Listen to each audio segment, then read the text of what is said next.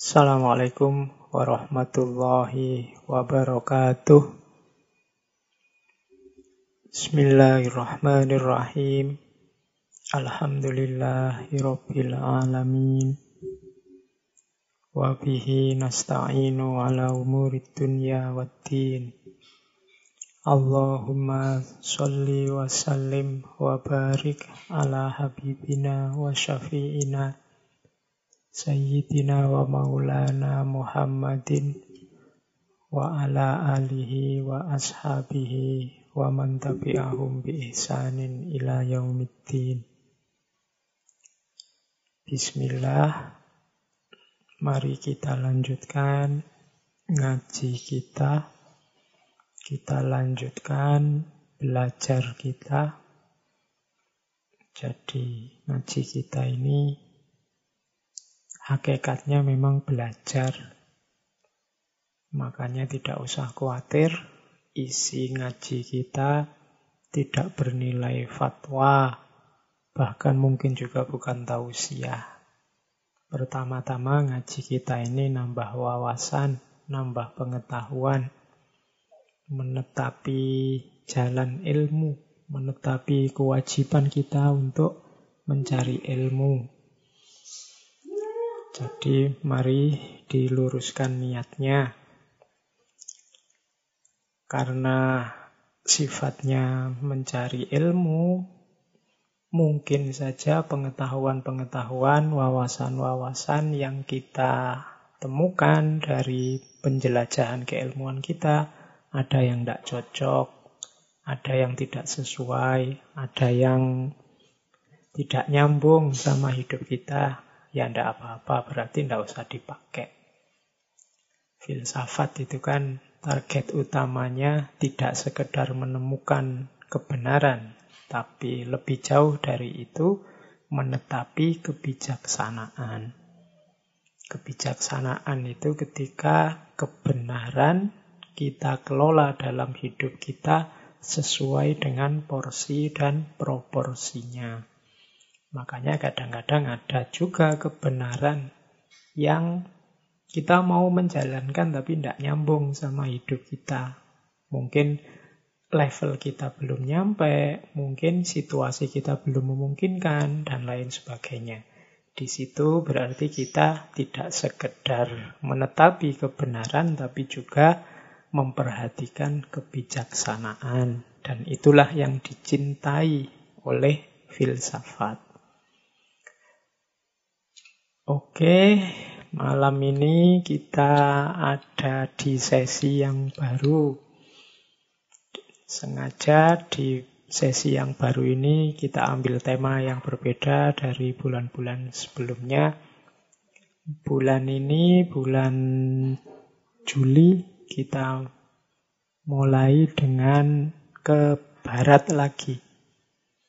Jadi seperti biasa ya ngaji kita ini kadang ke barat, kadang ke timur, kadang ke Islam, kadang ke Indonesia, wis macam-macam nambah wawasan sing penting.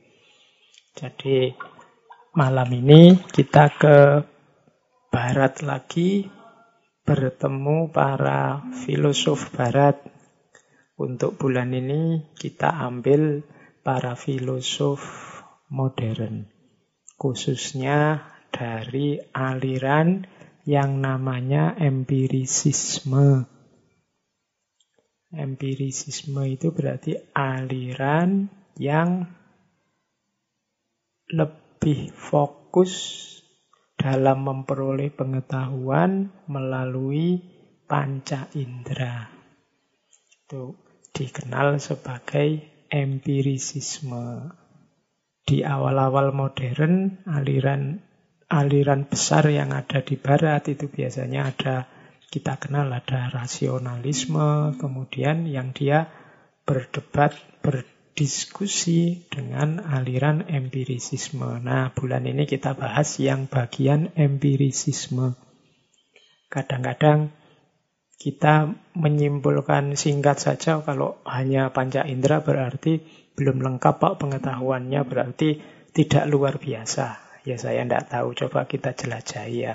Apa benar cara berpikir orang-orang empiris ini tidak luar biasa?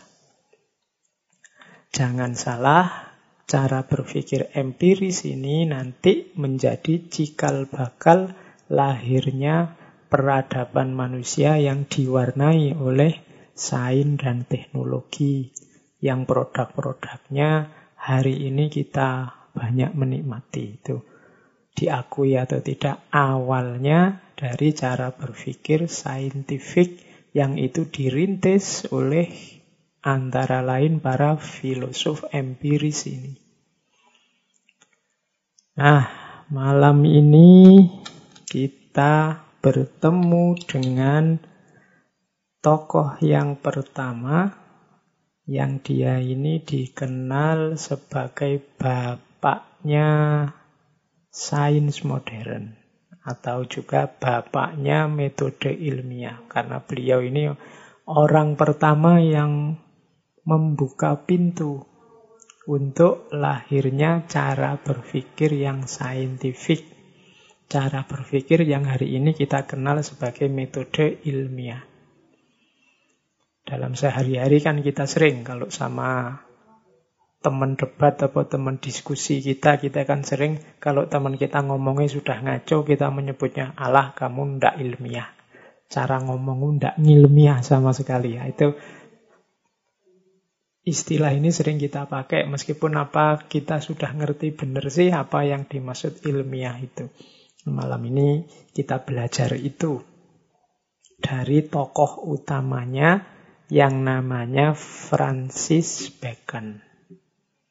Ini tradisi berpikir empiris ini dikenal dari ranah Inggris yang nanti memuluskan jalan lahirnya yang kita kenal sebagai revolusi industri.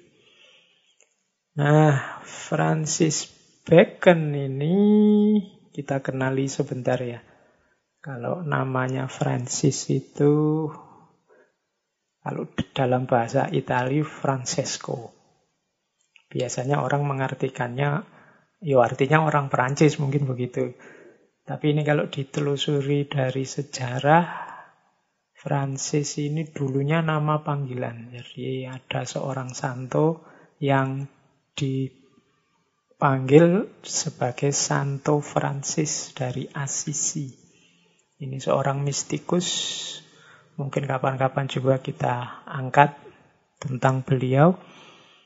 Dan Santo Francis dari Assisi ini, kenapa dipanggil dengan nama Francis, ada yang bilang karena kekayaan ayahnya, ayahnya ini konglomerat orang kaya dan punya banyak kolega, di antara koleganya adalah orang-orang Prancis. Maka populerlah nanti nama Francis. Artinya sendiri kalau dalam bahasa Perancis itu sebenarnya kebebasan atau orang yang bebas. Nah, malam ini kita ketemu beliau, Francis Bacon. Francis Bacon ini lahirnya tahun 1561.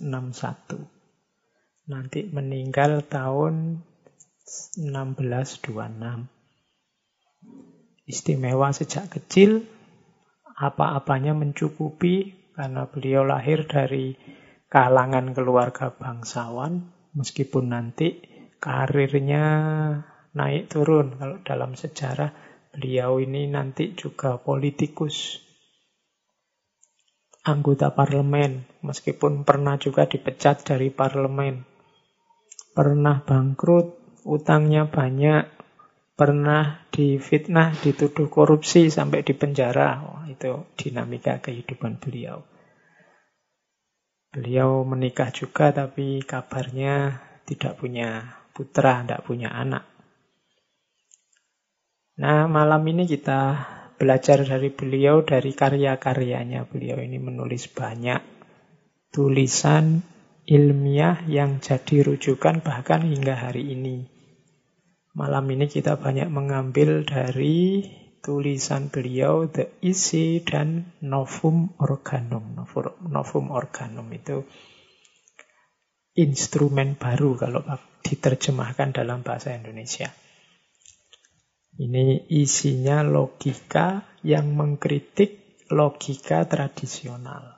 Nanti dikenal gagasan beliau ini sebagai logika modern. Jadi beliau ini bapaknya logika modern. Beliau sangat menggemari apa yang hari ini kita sebut penelitian dengan metode ilmiah. Bahkan nanti karya terakhir beliau itu judulnya New Atlantis. Ini ceritanya agak semacam apa novel tentang sebuah negeri yang seperti judulnya namanya New Atlantis. Kalau Atlantis itu kan diceritakan di Plato bahwa ada sebuah negeri yang makmurnya luar biasa, sebuah negeri yang majunya luar biasa zaman dulu. Dan banyak juga peneliti-peneliti antropolog-antropolog yang melacak sebenarnya Atlantis itu ada benar apa enggak, kira-kira kalau ada di mana. Bahkan kalau teman-teman masih ingat kan beberapa tahun yang lalu booming buku yang menyatakan bahwa Atlantis itu sebenarnya adanya di Indonesia kita ini. Kalau dilihat dari deskripsinya, misalnya berada di rentetan gunung api dan seterusnya. Silahkan dicari bukunya tentang Atlantis. Ya monggo ini termasuk kontroversi apa ya Indonesia apa bukan Indonesia masih perdebatan. Cuma kota Atlantis ini dipakai oleh Francis Bacon dalam bukunya yang buku beliau yang terakhir yang judulnya The New Atlantis. Jadi itu menggambarkan satu negara yang makmur, adil, luar biasa karena sainnya yang maju. Ini negeri ini dikenal sebagai negeri New Atlantis. Ceritanya agak utopis, tapi ini menggambarkan visi dari seorang Francis Bacon.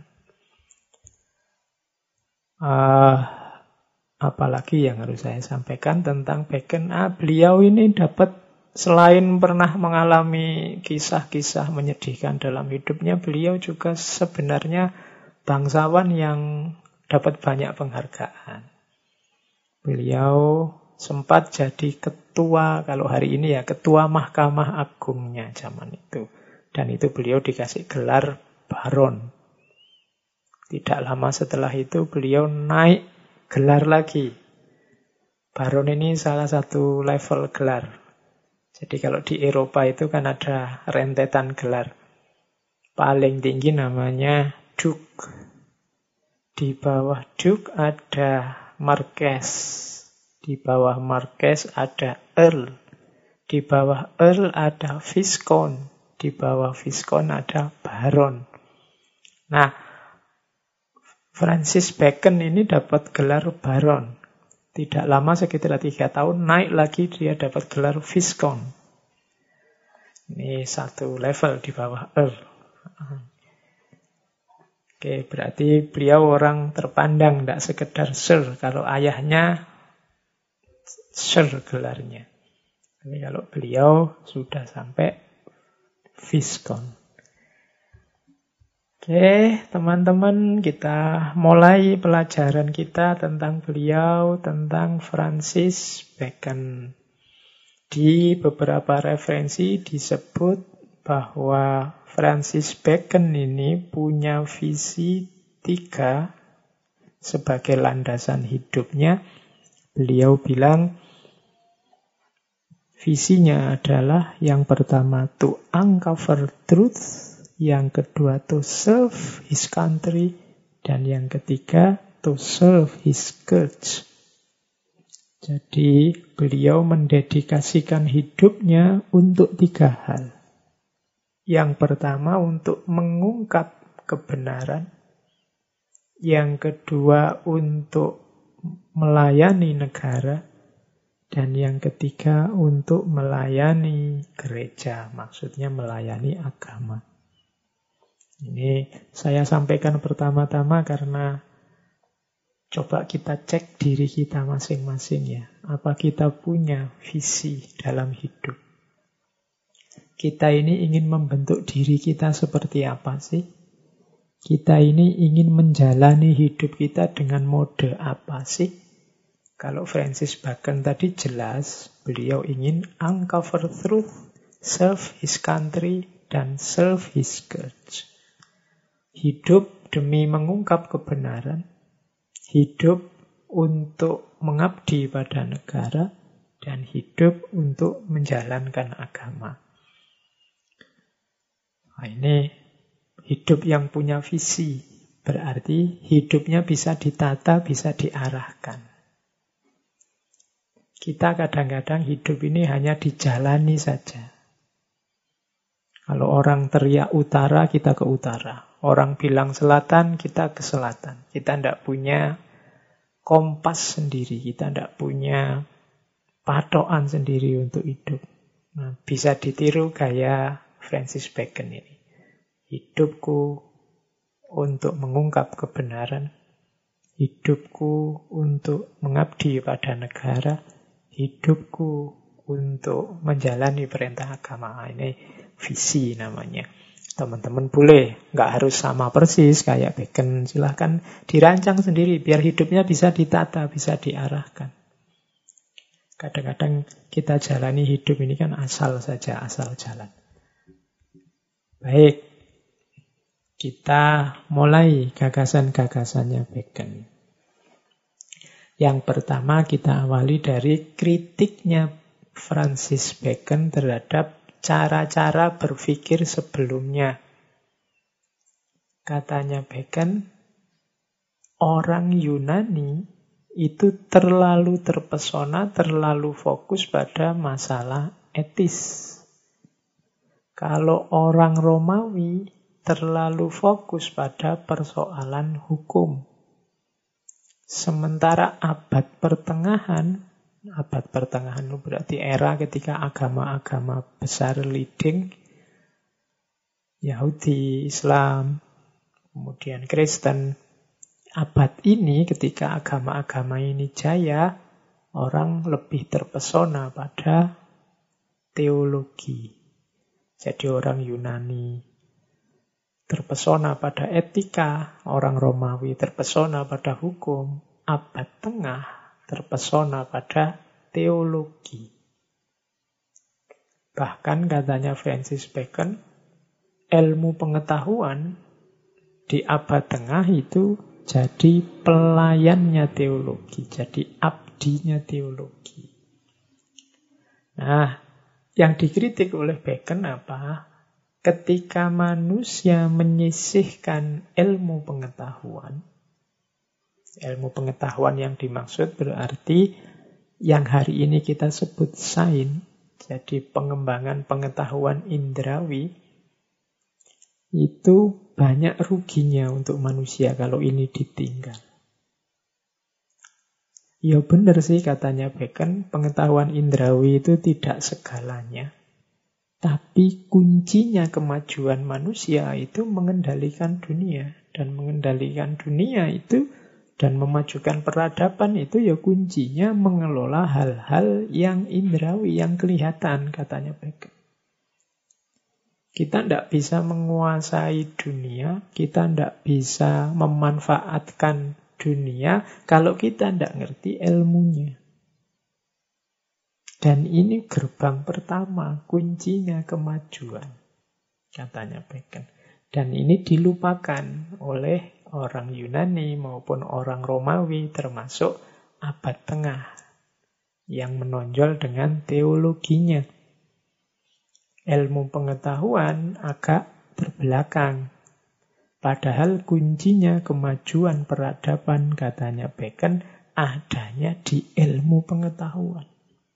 Penguasaan kita terhadap hal-hal yang ada di sekeliling kita. Nah, dijelaskan sedikit oleh Francis Bacon, lu tugasnya manusia memang menaklukkan alam biar bisa hidup maju. Banyak orang salah paham tentang istilah menaklukkan alam ini. Jadi menaklukkan alam dipahami kita menjajah alam menang-menangan di atas alam. Katanya Bacon tidak begitu. Yang disebut menguasai alam itu istilahnya Bacon natura non nisi parendo vincitur. Alam hanya dapat ditaklukkan dengan cara mematuhinya.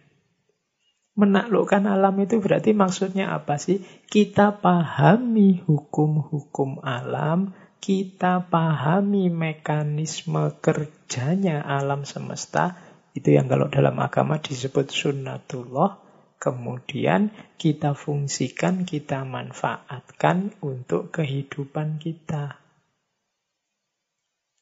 Di situlah kita bisa sejahtera kita pahami hukum tanam-tanaman.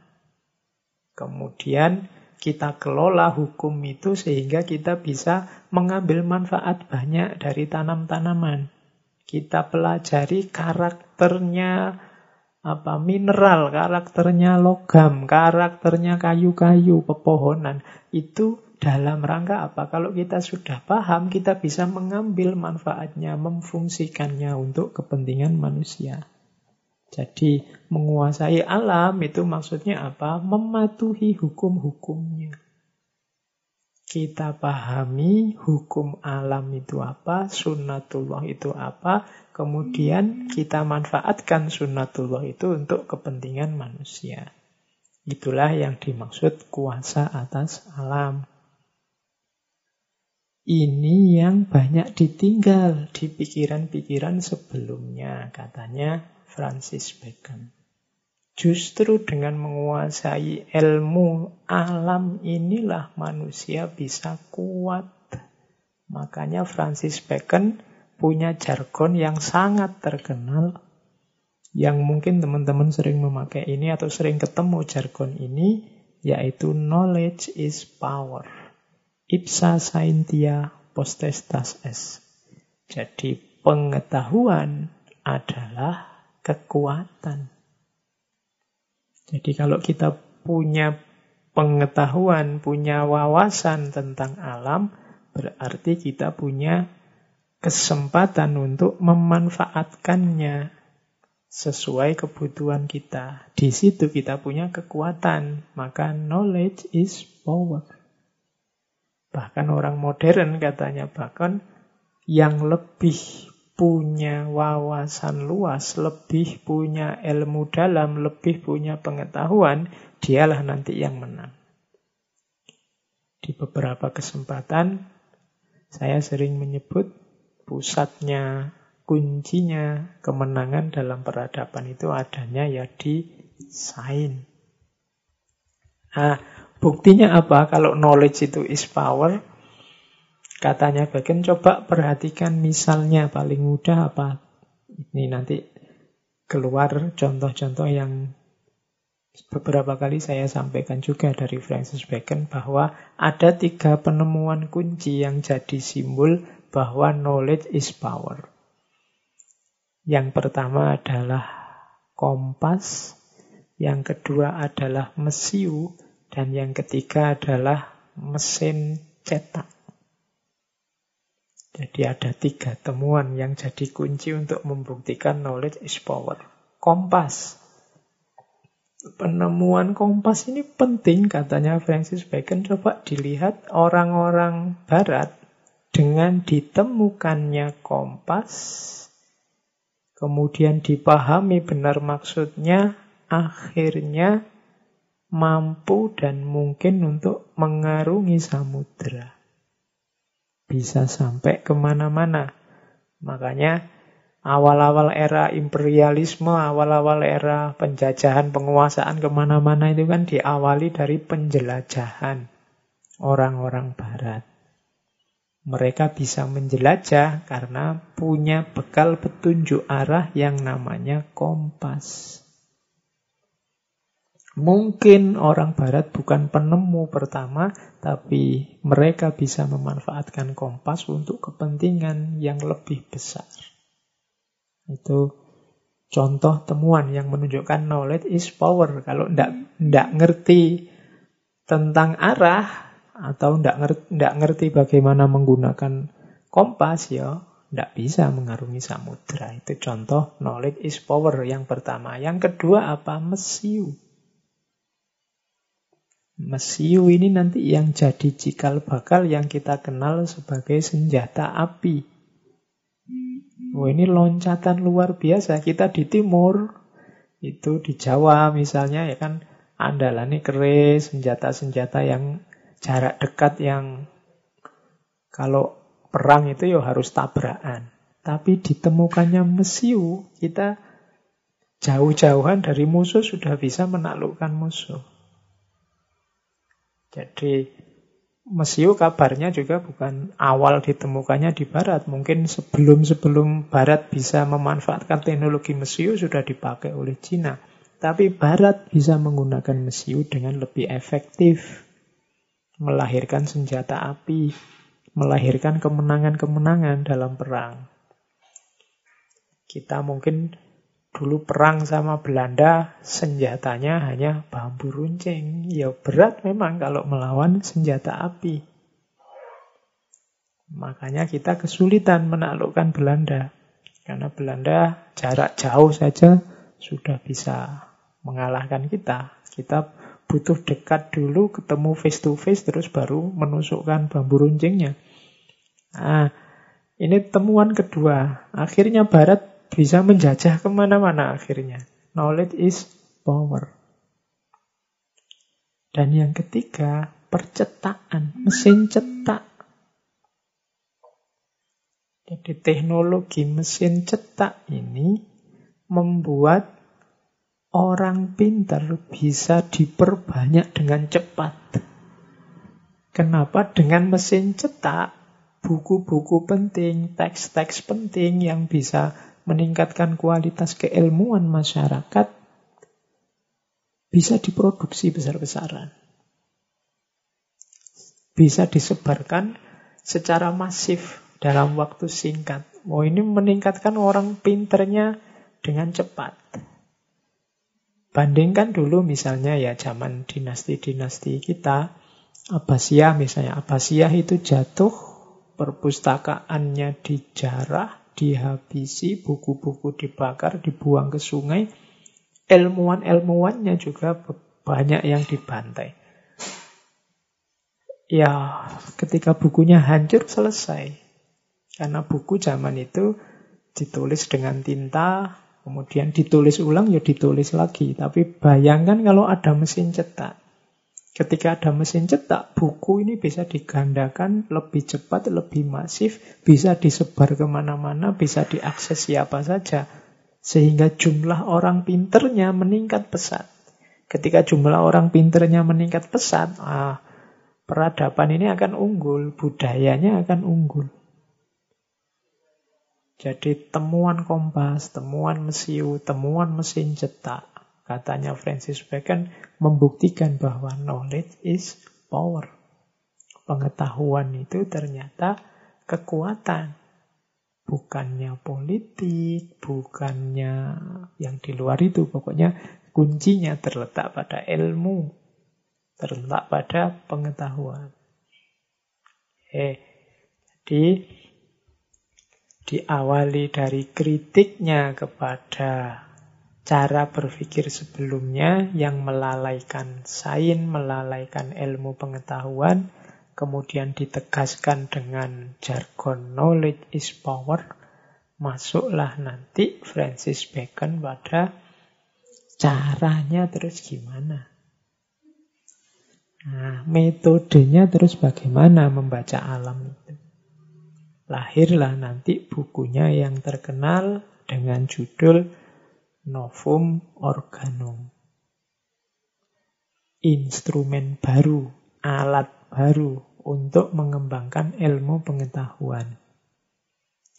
Di Novum Organum ini pertama-tama Francis Bacon mengkritik logika lama, logika tradisional yang dikenal Mungkin teman-teman yang belajar filsafat mungkin kenal istilah silogisme. Ini kan populer sekali bagi yang belajar logika.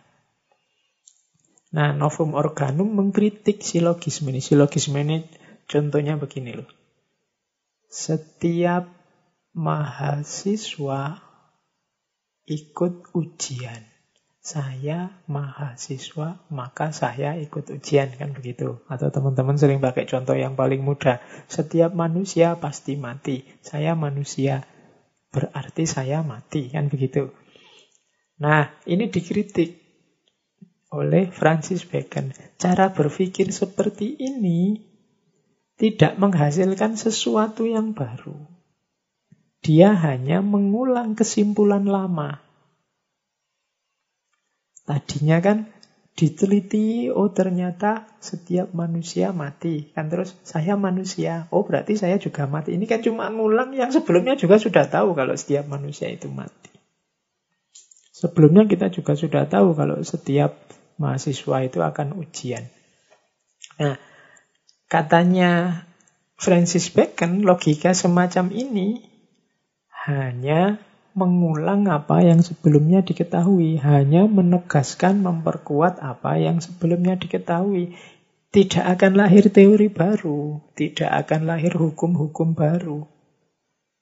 Kenapa? Tidak mempertimbangkan siapa tahu ada fakta yang baru, siapa tahu ada situasi yang baru, siapa tahu ada mahasiswa yang tidak pakai ujian langsung lulus. Oh, hari ini gara-gara corona kan mungkin ada yang begitu. Sudahlah, tidak ada ujian, diulang, dinilai dari yang kemarin-kemarin saja. Misalnya, kan ada situasi-situasi khusus. Ini tidak bisa kalau hanya pakai logika. Harus diamati langsung ke lapangan. Harus dilihat secara empiris, dilihat kenyataannya di lapangan.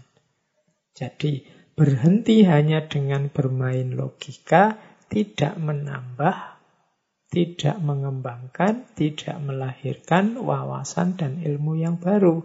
Harus masuk ke ranah empiris. Cara berpikir silogisme yang seperti saya contohkan tadi, itu kalau dalam logika namanya deduksi. Biasanya didefinisikan mudahnya berpikir dari umum ke khusus. Nah, Francis Bacon menawarkan kebalikannya, jangan deduksi, tapi induksi. Induksi itu berpikir dari khusus ke umum. Berpikir dari khusus ke umum itu dilihat dulu faktanya di sini, faktanya di situ, faktanya di sana, kemudian baru disimpulkan. Jadi bukan disimpulkan dulu di awal, kemudian dilihat faktanya yang sesuai. Ini kan gaya deduksi. Jadi itu kritiknya Francis Bacon pada logika tradisional. Pelopornya logika tradisional ini Aristoteles. Katanya Francis Bacon, logika Aristoteles ini punya tiga kelemahan mendasar. Kelemahan mendasarnya apa? Katanya Francis Bacon yang pertama, cara mengumpulkan datanya tidak kritis. Karena Francis Bacon ini terkenal dengan antara lain metode eksperimennya. Kalau kita ingin melihat sesuatu, data jangan asal dicomot, tapi dipilih yang benar-benar sesuai. Tidak sekedar ngambil data, tidak sekedar Pokoknya kayak tadi ya, misalnya contoh gampangnya begini. Tidak sekedar setiap mahasiswa ujian, misalnya coba dicek. Mahasiswa yang ujian itu mahasiswa yang seperti apa? Kira-kira semua jenis mahasiswa ujian enggak? Ada berapa jenis sih mahasiswa itu? Macam-macamnya mahasiswa itu apa saja sih? Dan seterusnya. Dalam setiap situasi sama enggak harus ada ujian. Nah, ini namanya mengumpulkan data secara kritis. Tidak sekedar melihat di lapangan. Itu kritik yang pertama dari Francis Bacon pada Aristoteles. Karena mengumpulkan datanya tidak kritis, terus kritik kedua, akhirnya apa? Aristoteles itu kesusu, kalau bahasa Jawanya kesusu terburu-buru melakukan generalisasi. Baru lihat satu, dua, tiga orang sudah kesusu disimpulkan untuk semuanya. Cenderung terburu-buru. Karena memang tadi cara mengumpulkan datanya kurang kritis. Diawali hanya dari asumsi-asumsi awal yang tadi, yang semua mahasiswa ujian kayak itu. Akhirnya apa? Terburu-buru melakukan generalisasi melihat satu santri ini ngantukan, santri yang itu ngantuk, santri yang ini ngantuk. Oh, berarti semua santri mudah ngantuk misalnya. Nah, itu mengeneralisasi yang terburu-buru. Berapa jumlah santri, kemudian apakah tiga orang ini representatif, dan seterusnya. Nah, ini kelemahan kedua dari logika Aristotelian. Kelemahan ketiga. Nah, Kelemahan ketiga, modelnya Aristoteles adalah yang tadi deduksi. Dia sih deduksi itu diawali dari melihat lapangan, terus disimpulkan secara umum. Nah, umumnya ini karena terburu-buru, sering kali tidak nyambung. Jadi tidak nyambung dengan kenyataannya. Tidak melihat ada fakta yang berbeda atau ada bukti yang negatif. Tidak mencari bukti yang negatif, hanya mencari bukti yang cocok. Misalnya tadi klaim setiap manusia pasti mati, itu kan susah. Dibuktikannya, wong memang kondisi manusia dari zaman Nabi Adam sampai hari ini, bahkan berarti sampai besok akhir zaman kan kita tidak bisa akses satu-satu. Di full kan juga susah untuk memahami semua datanya. Kalau di model Aristoteles, akhirnya terjadi generalisasi yang terburu-buru. Kalau dilihat faktanya kan tidak mungkin. Maka fokuslah pada selain data-data yang sesuai juga fakta yang tidak sesuai atau yang disebut yang negasinya yang negatif. Kalau hanya tiga orang mahasiswa tadi yang ujian, apa ya sih semua mahasiswa ujian? Kira-kira apa tidak ada mahasiswa yang tidak ujian? Nah ini namanya mencari data yang negatif. Yang ini tidak ada dengan di model silogisme itu. Kritiknya Francis Bacon. Jadi itu kritik terhadap logika Aristotelia. Terus ini bahasanya sangat filosofis malam ini. Temanya logika, kita pahami pelan-pelan saja ya. Pokoknya diniati nambah wawasan cari ilmu. Kritik selanjutnya diarahkan oleh Francis Bacon pada aliran yang namanya rasionalisme. Ya, ini di depan tadi saya bilang ya, ada rivalitas antara rasionalisme dan empirisisme. Kalau rasionalisme antara lain dulu kita kenal misalnya Rene Descartes. Ini eranya agak dekat sebenarnya. Tahun hidupnya mungkin sejajar antara Rene Descartes dengan Francis Bacon. Yang satu mewakili gaya rasionalisme, yang satu mewakili gaya empirisisme.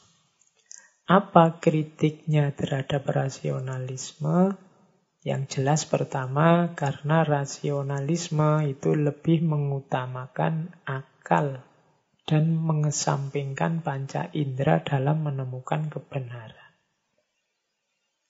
dalam cara berpikir rasionalis, orangnya sudah punya kebenaran dulu yang ada di kepala, yang itu di dalam bahasanya Francis Bacon ya, dipaksakan pada fakta, pada objek biar cocok dengan pikiran mereka. Itu Cara berpikir rasionalis ini nanti dikenal sebagai cara berpikir a priori. Cara berpikir a priori itu tidak lihat fakta, pokoknya diputuskan oleh akalnya saja. Contohnya misalnya aliran A itu biasanya melakukan hal ini. Orang-orang ini, saya ketemu orang ini, ternyata orang ini dari aliran A. Wah, pasti orang ini melakukan hal itu. Nah, ini namanya kesimpulan a priori. Disimpulkan dari fakta pikiran saja. Tidak melihat kenyataan yang sebenarnya. Nah, ini dikritik oleh Francis Bacon. Cara berpikir rasionalis itu terlalu percaya pada akal. Padahal mungkin ada aliran A yang tidak melakukan hal itu. Misalnya. Jadi, kalau kelompok ini terawihnya 20. Kalau kelompok itu terawihnya 8 misalnya. Kamu dari kelompok ini, oh pasti kamu terawihnya 20. Nah itu namanya a priori. Tidak melihat faktanya. Nah ini dikritik oleh Francis Bacon. Karena lo kebenaran kok disimpulkan sendiri sejak awal. Tidak melihat ke fakta. Sehingga punya kecenderungan, ini kritiknya Bacon, ilmuwan itu sering kali mengontrol dan memanipulasi kebenaran sesuai keinginannya. Bahkan membaca alam pun ya sesuai kehendaknya. Alam, lingkungan dipaksa sesuai perspektifnya. Orang lain dibaca sesuai kebenaran yang dia yakini. Ini namanya a priori. Tanpa melihat fakta yang sebenarnya. Jadi mungkin teman-teman sering pakai istilah a priori ini, meskipun kadang-kadang juga penggunaannya tidak pas. Jadi a priori itu berarti yo pokoknya memutuskan sesuatu hanya berdasarkan kebenaran yang kita sangkakan dengan akal kita. Tidak melihat faktanya, tidak melihat kenyataannya.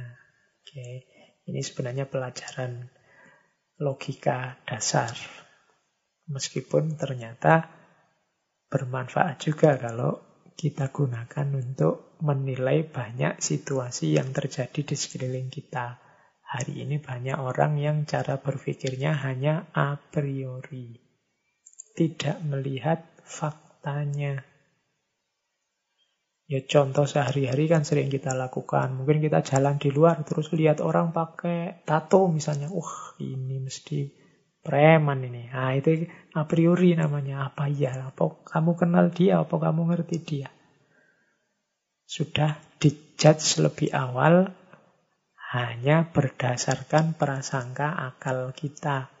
Tidak mengetahui faktanya, kenyataannya yang sejati. Dan ini dikritik oleh Francis Bacon. Tidak begitu untuk menemukan kebenaran. Untuk menemukan kebenaran, ya harus masuk ke dalam melihat data dan faktanya, kenyataannya.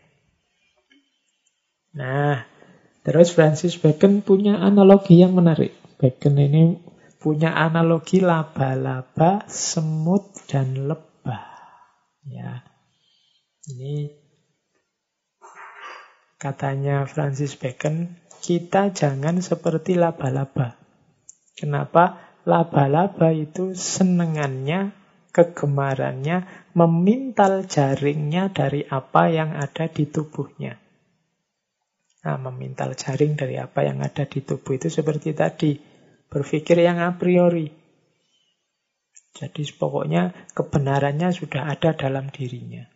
Kemudian dunia di sekelilingnya dipaksa cocok dengan kebenaran yang sudah ada di kepala ini. Ini seperti laba-laba yang memintal jaring yang ada di tubuhnya. Yang kedua semut. Kalau semut itu binatang kecil yang kerjaannya semata-mata mengumpulkan makanan saja. Ini kebalikannya. Kalau semut tidak dari dalam dirinya, tapi mencari dari luar, dari mana-mana. Cuma semut ini bisanya mengumpulkan saja. Katanya Bacon, harusnya kita seperti lebah. Lebah itu mengumpulkan seperti semut, tapi dia milih yang relevan, yang cocok untuk dirinya. Dia menata apa yang dia ambil. Dia ngambil yang paling bagus, yang paling cocok, dibawa ke sarangnya, kemudian melahirkan madu. Itu kan prosesnya indah, hasilnya juga indah. Tidak asal mengumpulkan seperti semut atau tidak peduli kiri kanan, hanya memintal jaringnya sendiri seperti laba-laba. Jangan seperti laba-laba yang kebenaran mati hanya ada di kepalamu saja, tidak peduli kenyataan yang ada. Jangan seperti semut yang bisanya hanya ngumpul data saja. Tidak bisa milih, tidak bisa memilah mana yang cocok, mana yang relevan, mana yang sesuai, tapi jadilah seperti lebah. Mengumpulkannya dengan cantik kan beberapa ayat Al-Quran kan menjelaskan tentang istimewanya lebah ini. Lebah ini dari bunga dia mengambil sarinya. Lebah ini nempel pada bunga tapi tidak merusak. Bahkan kabarnya malah membantu penyerbukan. Nanti hasil dari mengambil dari bunga jadinya juga luar biasa. Dia jadi madu, jadi propolis yang sangat bermanfaat. Nah, Francis Bacon dengan analogi ini ingin kita seperti lebah. Lebah itu seperti apa sih? Lebah itu katanya bahkan seperti metodeku yang nanti kita kenal sebagai metode induktif modern. Kalau yang semut tadi mewakili metode induktif tradisional. Metode induktif tradisional itu metode induktif lama yang asal ngumpul, tidak milah, tidak milih seperti saya bilang tadi. Sementara laba-laba itu cara berpikir yang deduktif. Yang sudah punya kebenaran sendiri, yang di sekelilingnya mau dicocokkan dengan kebenaran yang ada di kepalanya. Jangan seperti laba-laba yang deduktif, jangan seperti semut yang induktif tradisional, jadilah seperti lebah yang induktif modern. Nah, ini menariknya penjelasan dari Francis Bacon. Nah, apa sih induktif modern itu yang nanti juga kita kenal sebagai induktif empiris. Induktif empiris itu jenis pengetahuannya, kalau yang deduktif tadi namanya a priori, kalau yang ini namanya a posteriori. A posteriori itu berarti memahami dari alam. Memahami alam dari alam, memahami sesuatu dari sesuatu itu sendiri dari faktanya, bukan dari asumsi-asumsi kita, bukan dari prasangka-prasangka kita. Itu namanya a posteriori. Jadi jenisnya a posteriori, lawannya a priori tadi. Kemudian kuncinya apa? Observasi dan eksperimen. Observasi berarti mengamati langsung, eksperimen berarti menguji, memilah-milih data yang sesuai. Jadi kuncinya di situ. Tidak sekedar ditebak-tebak pakai pikirannya sendiri. Kemudian alatnya namanya sensation. Sensation itu ya panca indera kita. Jadi yang sifatnya objektif mata untuk melihat, telinga untuk mendengar, dan seterusnya. Cirinya apa? Kemudian induktif empiris itu yang pertama bukan subjektivitas. Jadi memahami sesuatu harus objektif cirinya. Jadi bukan prasangka pribadi, bukan keinginan pribadi. Biarkan objeknya berbicara tentang dirinya sendiri.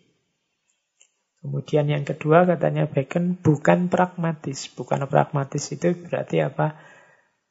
Tidak karena tujuan tertentu, karena biasanya tujuan tertentu ini membelokkan cara kita membaca objek, cara kita membaca sesuatu. Biasanya kita punya ingin cari untung, ingin target ini, ingin target itu. Jadinya membacanya tidak bisa objektif. Jadi itu namanya pragmatis. Hanya untuk memenuhi kebutuhan kita saja, keinginan kita saja. Itu namanya pragmatis. Dan induktif empiris bukan pragmatis. Kemudian yang ketiga, bukan abstrak. Jadi sifatnya ya konkret, kelihatan, bisa diukur. Sehingga tidak menebak-nebak. Jadi melihat apa adanya, menjelaskan apa adanya. Bukan melalui prasangka-prasangka, tidak disibukkan oleh tujuan-tujuan di luar itu. Nah itu semua ini yang kita kenal nanti sebagai induktif empiris. Manfaatnya apa induktif empiris itu? Berarti apa? Ilmuwan dilatih, diarahkan untuk melihat kenyataan secara objektif bukan kenyataan dari kacamata kita saja, dari perspektif kita saja. Ada yang hari ini punya prinsip apa mungkin kita memahami sesuatu itu secara objektif. Kalau pakai kacamata-kacamata teori terbaru, karena ini memang teori lahirnya dulu awal modernitas, memahami sesuatu secara objektif murni itu ya mungkin tidak mudah. Karena manusia selalu dalam perspektif, selalu punya kepentingan dan lain-lain. Tapi usahakan kalau mengikuti nasihatnya Francis Bacon, memahami sesuatu seobjektif mungkin yang kita mampu. Jadi jangan sejak awal kita sudah subjektif, mentang-mentang kita tahu bahwa apa bisa Pak. Orang memahami itu objektif. Selalu orang selalu perspektifnya, jadi subjektif. Kalau gitu saya sejak awal mau subjektif saja sih ya. Kalau kalau begini ya nanti kita tidak akan ketemu kebenaran kenyataan. Yang ada ya seperti tadi, akhirnya jadinya a priori. Kebenaran sesuai hanya prasangka akal kita saja. Bahwa tidak mudah atau mungkin ada yang bilang tidak mungkin kita bisa objektif total, ya, tapi sejak awal dalam memahami sesuatu kita harus berusaha seobjektif mungkin. Tidak boleh sejak awal sudah diperangkap oleh prasangka-prasangka. Jadi manfaatnya induksi yang ditawarkan oleh Baken ini, ya tidak ada manusia yang sempurna pasti benar total, tapi setidaknya kita berusaha untuk menjangkau kebenaran. Lebih dekat dengan kebenaran, lebih dekat dengan objektivitas. Yang kedua, kegiatan ilmiah Akhirnya kalau dengan modelnya Baken ini tidak menjadi kegiatan yang ideologis.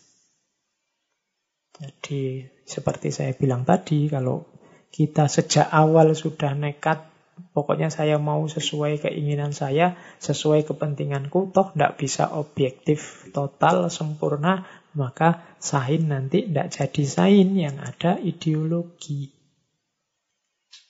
Ilmu tidak tampak seperti karakternya yang sejati. Dia hanya manifestasi dari kepentingan-kepentingan kita. Oke, kita lanjutkan. Nah, selanjutnya ini, ah ini ada gambar ini. Inilah nanti yang dikenal sebagai metode Bacon. Metode Bacon ini juga nama lain dari metode ilmiah. Nah, teman-teman yang mahasiswa, para peneliti itu pasti sudah akrab dengan metode ini. Perintisnya yang pertama ya Francis Bacon tadi. Secara umum gambarnya, polanya seperti yang tampil ini. Jadi metode ilmiah itu diawali dari observasi. Observasi apa? Yo terjun melihat faktanya secara empiris, melihat kenyataannya. Dari situ terus muncul pertanyaan-pertanyaan. Problemnya apa sih? Nah, ada masalah apa sih? Nah, itu pertanyaan. Setelah itu baru melakukan riset, penelitian, penelitian untuk menjawab pertanyaan. Jadi setelah ada pertanyaan, baru diteliti kira-kira jawabannya apa. Nah, kemudian dibuat hipotesis-hipotesis. Hipotesis itu jawaban sementara. Oh mungkin problem tadi jawabannya A. Oh mungkin jawabannya B. Oh mungkin jawabannya C. Dan seterusnya. Setelah itu hipotesis-hipotesis tadi diuji dengan data yang ada. Jadi diuji, oh kalau jawabannya A, datanya ini, wah tidak nyambung. Oh kalau jawabannya B, kelemahannya di sini. Oh kalau jawabannya C, Kesulitannya di sini berarti yang paling cocok ini jawabannya D. Ini setelah diuji, coba, di macam-macam disimpulkan jawabannya D. Cara berpikir semacam ini namanya metode ilmiah. Maka berpikir ilmiah itu ya tidak bisa langsung ujuk-ujuk ditanya kayak kita diwawancara wartawan tiba-tiba diadungi apa mikrofon gimana pak pendapat bapak tentang ini yaitu pendapat kalau pendapat yang tidak melalui proses, jadi metode ilmiah ini. Jadi kalau ilmiah ya ada proses ilmiahnya, ada observasinya, ada problem riset, hipotesis, eksperimen, baru nanti kesimpulan. Orang yang semacam ini barulah kita sebut ilmiah. Kadang-kadang kan kita sebut ilmiah itu orang yang wah ini mikirnya kelas tinggi orang ini. Wah ini mikir. Nah, itu terus ilmiah sekali. Tidak tidak mesti ilmiah itu harus punya ciri ini. Faktanya jelas, problemnya jelas, ada upaya meneliti, ada proses-proses analisisnya, ada hipotesis, eksperimen, data, dan conclusion. Kalau proses-proses ini sudah dilakukan, hasilnya disampaikan, di situlah bisa kita beri label ilmiah. Oke, kita lanjutkan. Nah, ini menarik dari konsepnya Bacon. Ada teori namanya The Rule of Three. The Rule of Three ini aturan tiga. Ini maksudnya kalau kita meneliti sesuatu, kita mengamati sesuatu, ya harus hati-hati. Tidak sekedar terlihat berarti benar. Tidak sekedar berjalan berarti cocok. Harus diuji lagi. Makanya tidak sekedar observasi, ada juga eksperimen. Katanya Bacon, the rule of three itu, if something happens once, it is chance. If something happens twice, it is coincident. If something happens three times, it is significant. Ini maksudnya hati-hati sebelum menyimpulkan sesuatu. Kalau kita melihat sesuatu hanya sekali, itu chance. Chance itu ya kesempatan. Mungkin dari situ kita ketemu masalah, kita ketemu problem. It is change. Tiba-tiba kita jalan di tol itu, lihat kecelakaan di kilometer sekian. Itu it is change. Besoknya kita lihat lagi, di situ lagi ada kecelakaan. If something happen twice, berarti apa? Coincident. Dua kali saya lihat di situ loh. Itu berarti coincident. Ini kalau pakai the rule of three masih belum bisa disimpulkan bahwa di situ sumbernya kecelakaan mungkin ada apanya. Mungkin jalannya terlalu nikung, mungkin terlalu keronjal-keronjal macam-macam. Tapi kalau dua kali namanya coincident. If something happens three times, it is significant. Nah, kalau sudah tiga kali berarti signifikan. Sudah layak cukup untuk jadi dasar, untuk jadi argumen. Kalau hanya sekali masih belum. Kalau dua kali masih namanya kebetulan. Kalau tiga kali, ah itu baru signifikan ada apa-apanya ini. Saya lewat di depan rumah itu jatuh. Nah itu mungkin karena ceroboh saja. Dua kali jatuh lagi, ah mungkin kebetulan. Tiga kali masih jatuh lagi. Oh ini perlu diteliti sudah. Sudah signifikan. Ada ada sesuatunya pasti. Itu namanya the rule of three. Kalau kita sedang berhadapan dengan data, hati-hati tidak kesusu disimpulkan. Diuji lagi lewat eksperimen. Makanya ilmuwan itu mengujinya panjang. Bolak-balik diuji karena khawatir tidak signifikan. Hari ini kita masih mengalami pandemi COVID, itu kan kita menunggu-nunggu kapan vaksinnya ini segera rilis sehingga bisa lebih nyaman hidup kita kalau sudah ada vaksin. Hanya saja teorinya ini tadi, para ilmuwan yang mengembangkan vaksin ya pastinya tidak kesusu mereka eksperimennya diulang-ulang bolak-balik.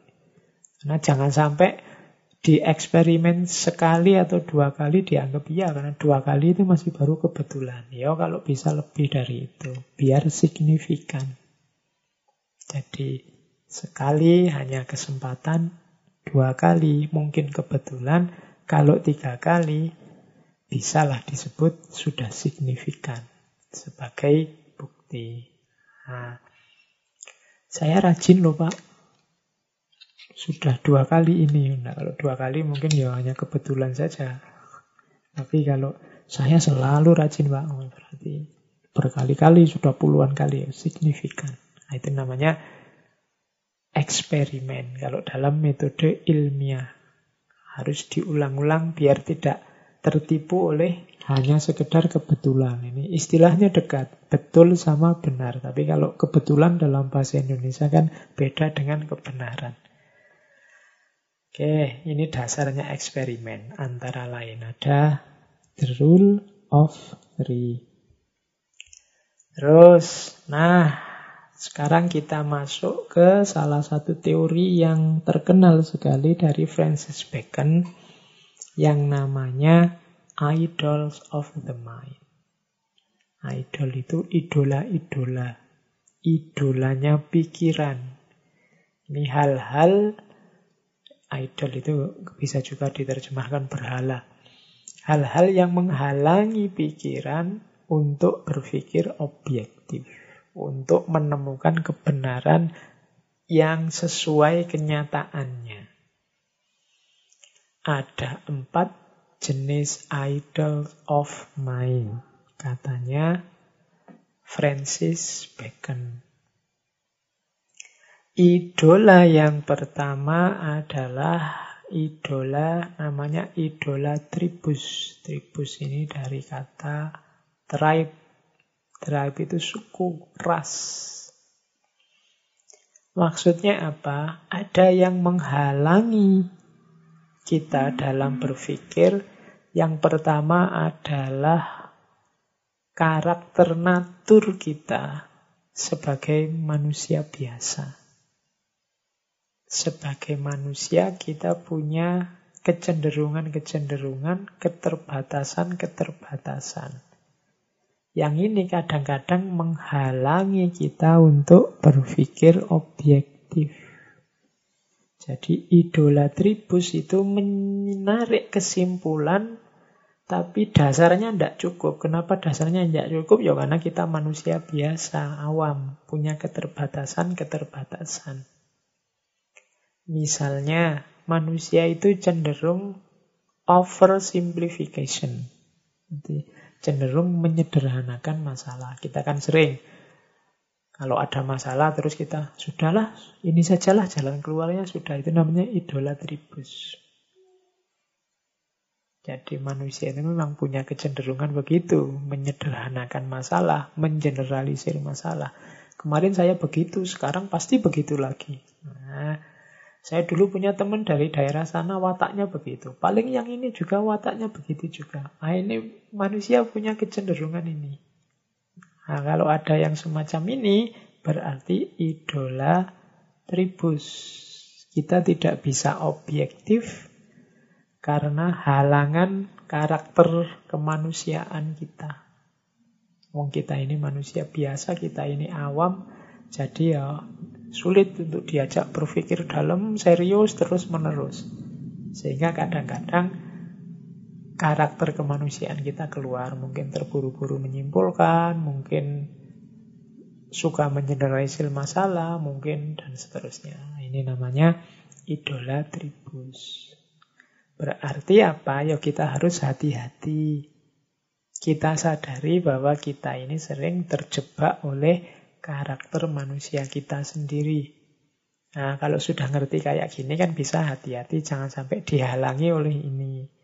Kalau kita ingin ke susu menyimpulkan, ya dipending dulu sebentar. Jangan-jangan ada yang terlewat. Kalau kita ingin mengeneralisir masalah, ya dipending dulu deh. Ini namanya mengeneralisir ini. Ini namanya menyederhanakan masalah ini. Ayo diurai lagi pelan-pelan. Itu namanya melawan idola tribus. Yang kedua ada idola spekus. Idola spekus itu kalau bahasa Inggrisnya idol of the cave. Cave itu gua. Nah, apa yang menghalangi kita di yang kedua ini? Yaitu kita sering tidak bisa berpikir objektif karena terhalang oleh gua pikiran kita sendiri. Gua pikiran itu maksudnya prasangka-prasangka kita, a priori-a priori kita, dan seterusnya. Jadi kita kayak orang di dalam gua yang hidup dalam pikiran kita sendiri. Jadi misalnya kita sejak kecil belajarnya tentang ini, terus akhirnya yang kita tahu ya hanya tentang ini. Akhirnya apa? Kita seperti dalam gua pikiran kita itu, yang kita tahu itu. Sehingga kita memahami sesuatu ya hanya berdasarkan yang kita tahu di pikiran kita ini.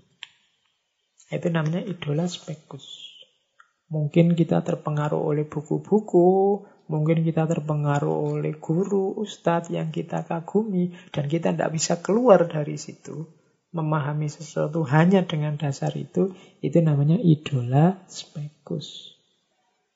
Jadi prasangka kita, a priori a priori kita, prejudais prejudais kita ketika memahami sesuatu. Nah, ini harus kita sadari. Jadi ini penting untuk disadari biar kita tidak terjebak di situ. Begitu kita memahami sesuatu dengan kayak itu, oh iya saya memahami seperti ini karena saya ini ngertinya hanya perspektif ini.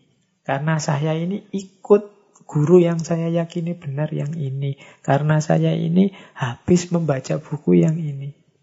Itu kesadaran ini penting biar kita tahu bahwa kita ini tidak objektif sebenarnya. Cara kita berpikir, cara kita menanggapi sesuatu banyak diwarnai oleh prasangka-prasangka dan a priori kita sendiri. Makanya orang itu kan macam-macam tipenya.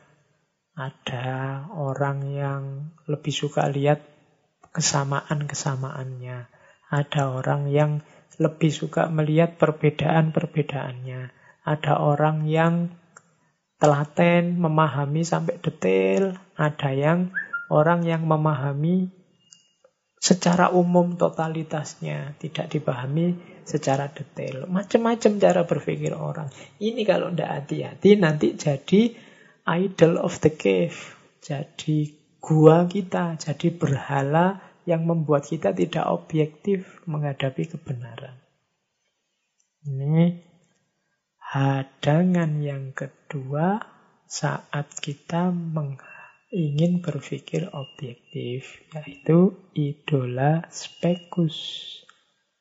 Yang ketiga, yang ketiga ini idol of the marketplace atau idola fora. Idola fora ini halangan yang membuat kita tidak bisa berpikir objektif karena kita terpengaruh oleh pendapat umum. Karena masyarakat kita pendapatnya begitu. Itu namanya idol of the marketplace. Kita tertipu, terhalang oleh opini publik. Nah, kalau bahasa hari ini itu. Pandangannya orang banyak. Lah orang banyak pikirannya begitu ya Pak. Jangan-jangan yang benar memang itu. Nah itu idola fora. Bukan berarti orang banyak itu pasti salah.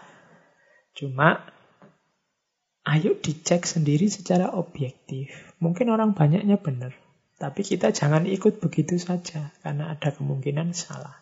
Kalau kita ikut begitu saja berarti kita sedang punya berhala namanya opini publik. Tidak semua yang dianggap oleh masyarakat benar itu benar. Meskipun juga tidak pasti salah. Jadi tidak selalu, kalau pakai logika hari ini, tidak mesti yang viral itu benar dan baik. Kalau kita semua yang viral kita anggap benar, wah, kita berarti sedang terjebak oleh berhala namanya idola fora. Ya, kalau semua yang viral kita anggap benar ya kita akan ditipu oleh buzzer-buzzer, kita akan ditipu oleh mungkin orang-orang yang beli follower, macam-macam hari ini. Maka hati-hati benar. Jangan sampai kita berhadapan dengan idol of mind yang namanya idola fora. Jangan sampai tertipu dengan pandangannya orang banyak. Orang banyak juga bisa keliru. Meskipun tidak selalu keliru. Terus yang keempat ada namanya idola teatri. Idola teatri itu ya teatri kalau dalam bahasa Inggris teater, panggung. Kalau ini maksudnya kesulitan kita yang menghalangi kita untuk berpikir objektif karena kepercayaan yang dogmatis, karena mitos-mitos dan yang sejenis itu. Jadi kita kan punya kepercayaan, kita punya mungkin kita meyakini mitos-mitos tertentu dalam hidup. Nah, ini terus menghalangi kita sehingga tidak bisa berpikir objektif. Jadi tidak bisa berpikir objektif itu tidak apa? Tidak memahami kenyataan. Tidak mau menerima kenyataan yang ada.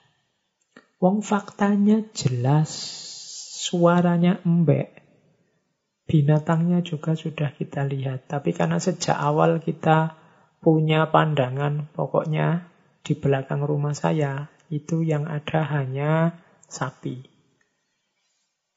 Padahal kita sudah mendengar, faktanya kita mendengar suaranya embek. Tapi kita karena sudah meyakini sapi ndak, itu pasti sapi. Lu suaranya mbek itu loh, ndak itu pasti sapi. Nah ini berarti apa? Kita tidak menerima kenyataan karena terhalang oleh keyakinan kita.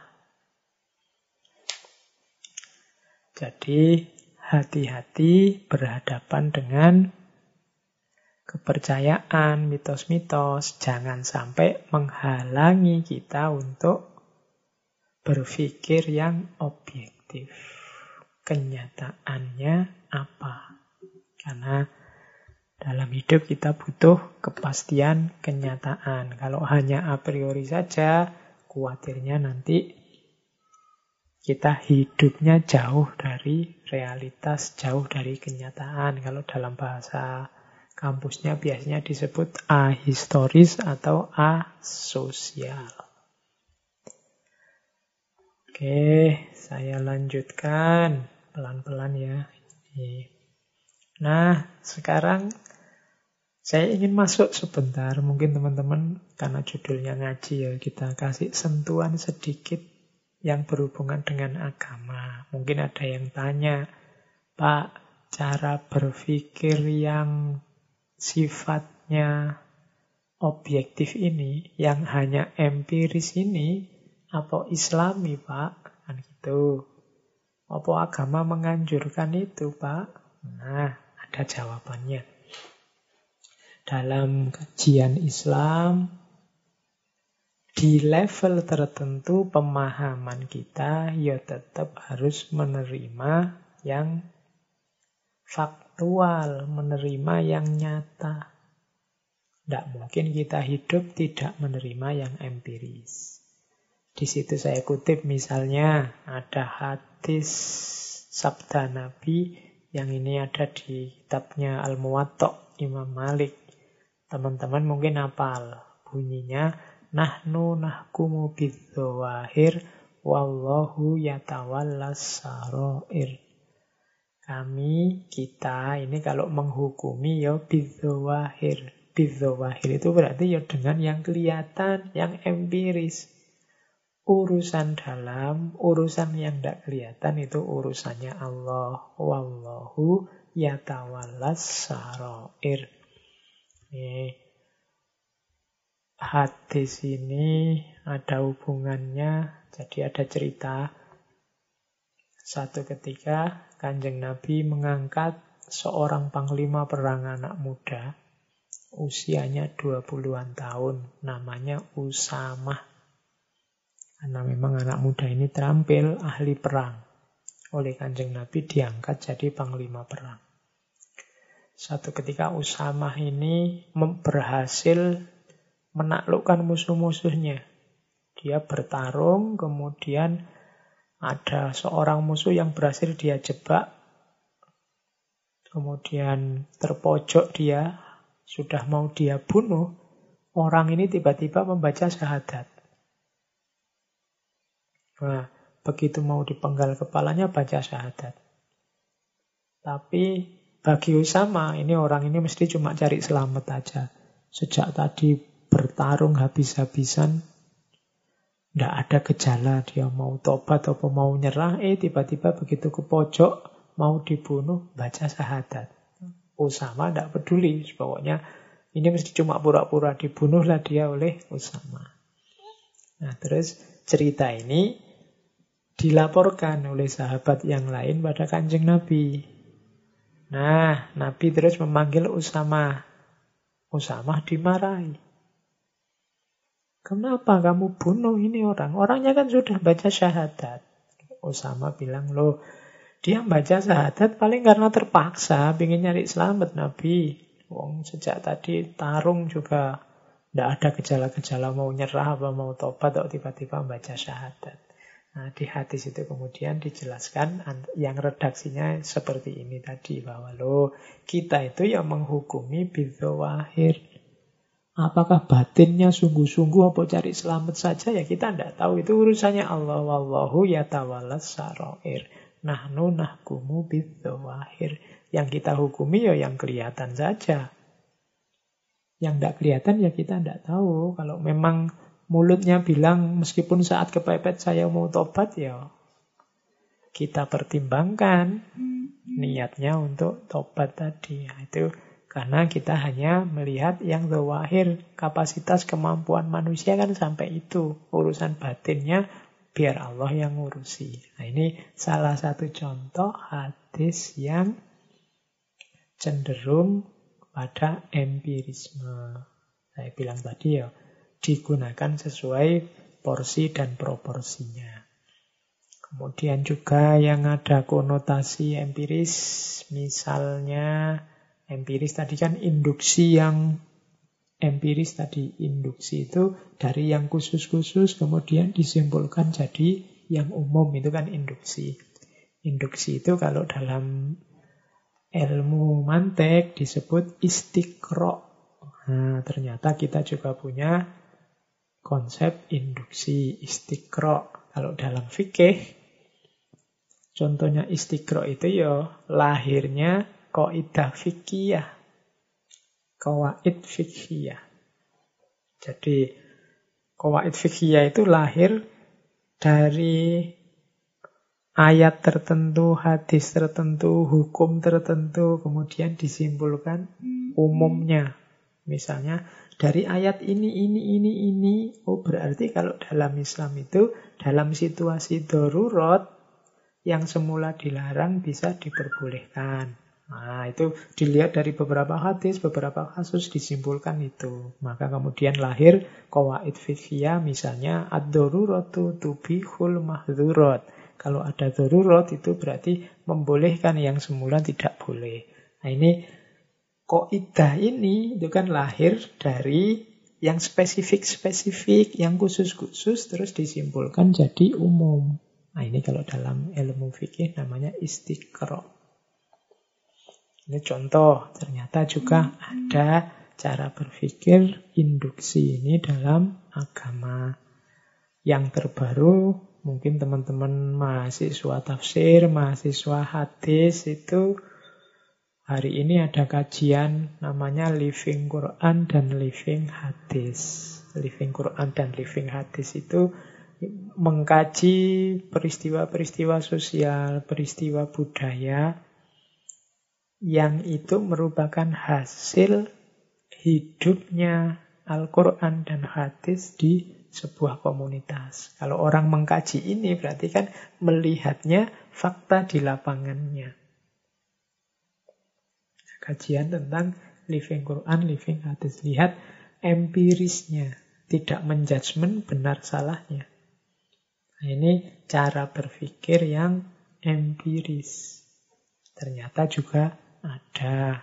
Ini ini sekedar ilustrasi untuk menjelaskan bagaimana ternyata metode ini yang kadang-kadang secara singkat kita komentari sudah tidak relevan lagi ya ada. Sampai level tertentu sampai bagian tertentu kehidupan kita kita butuh cara berpikir ini.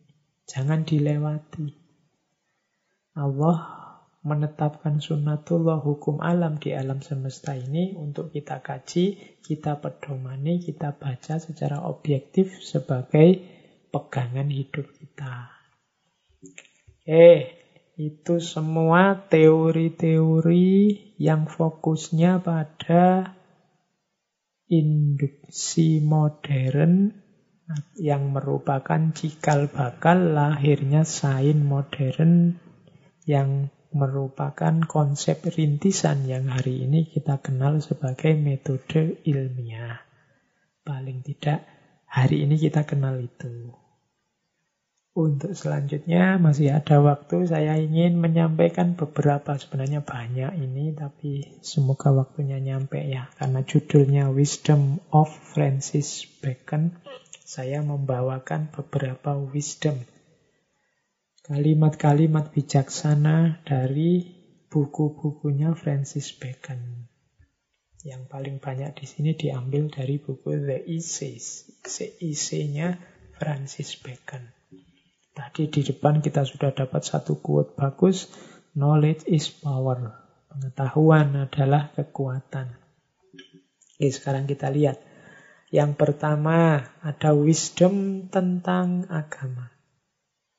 Katanya Francis Bacon, sebenarnya Tuhan telah memberikan dua kitab, tidak hanya satu.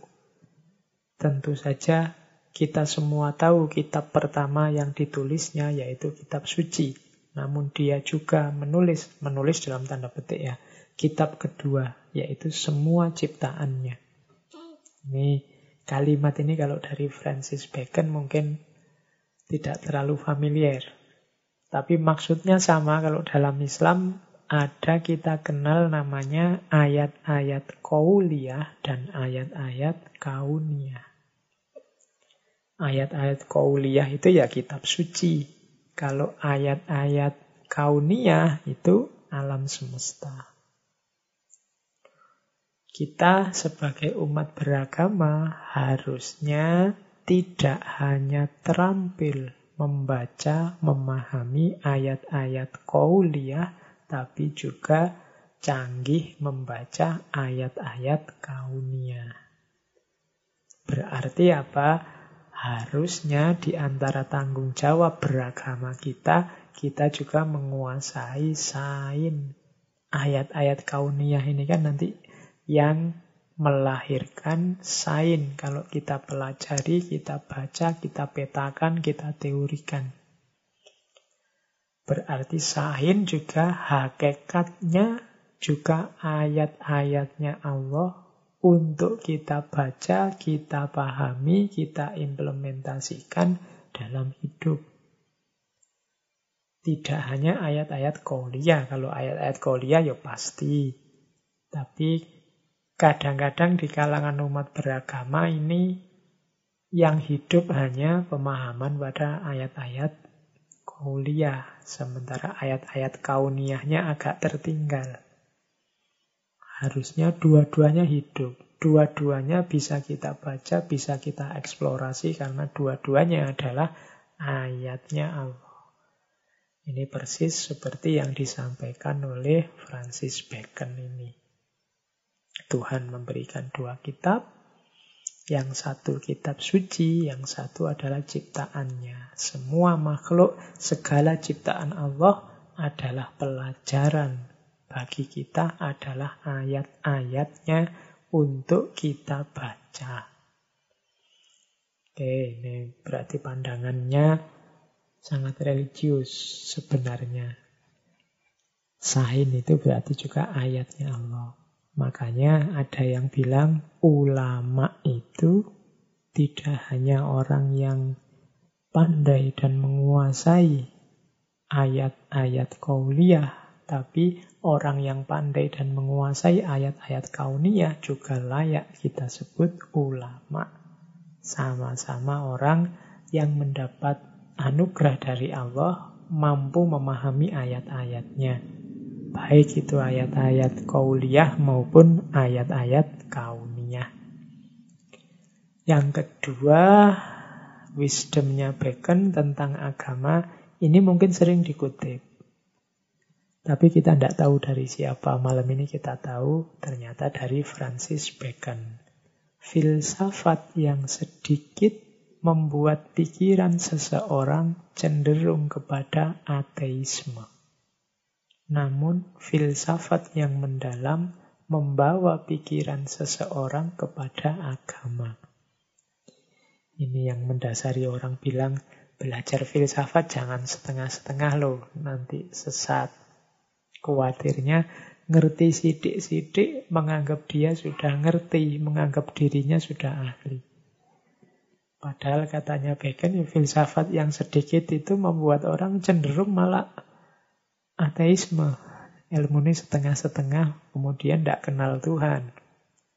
Justru kalau berpikir mendalam, filsafat yang luas dan dalam malah akan membawa seseorang kepada agama membawa seseorang kepada kesadaran bahwa ada Tuhan, bahwa alam semesta ini ada penatanya, bahwa alam semesta ini ada penciptanya, dan seterusnya.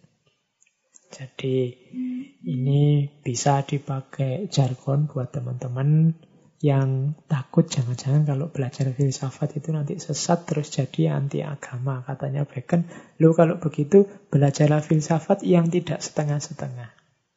Belajarlah filsafat yang total.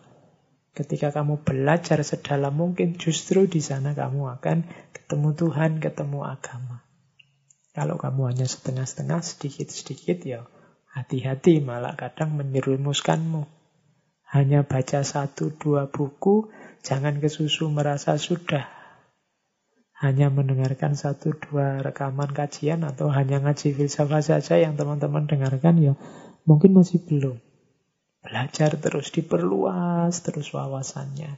Insya Allah nanti kita akan sampai pada agama, kita akan kenal Tuhan, kita akan mendalam dalam beragama. Nah ini wejangan dari Francis Bacon. Terus ada lagi wisdom dari Francis Bacon tentang ilmu dan belajar. Ini ada quote juga yang populer, banyak quote-quote populer dari Bacon yang beberapa di antaranya sering kita dengar.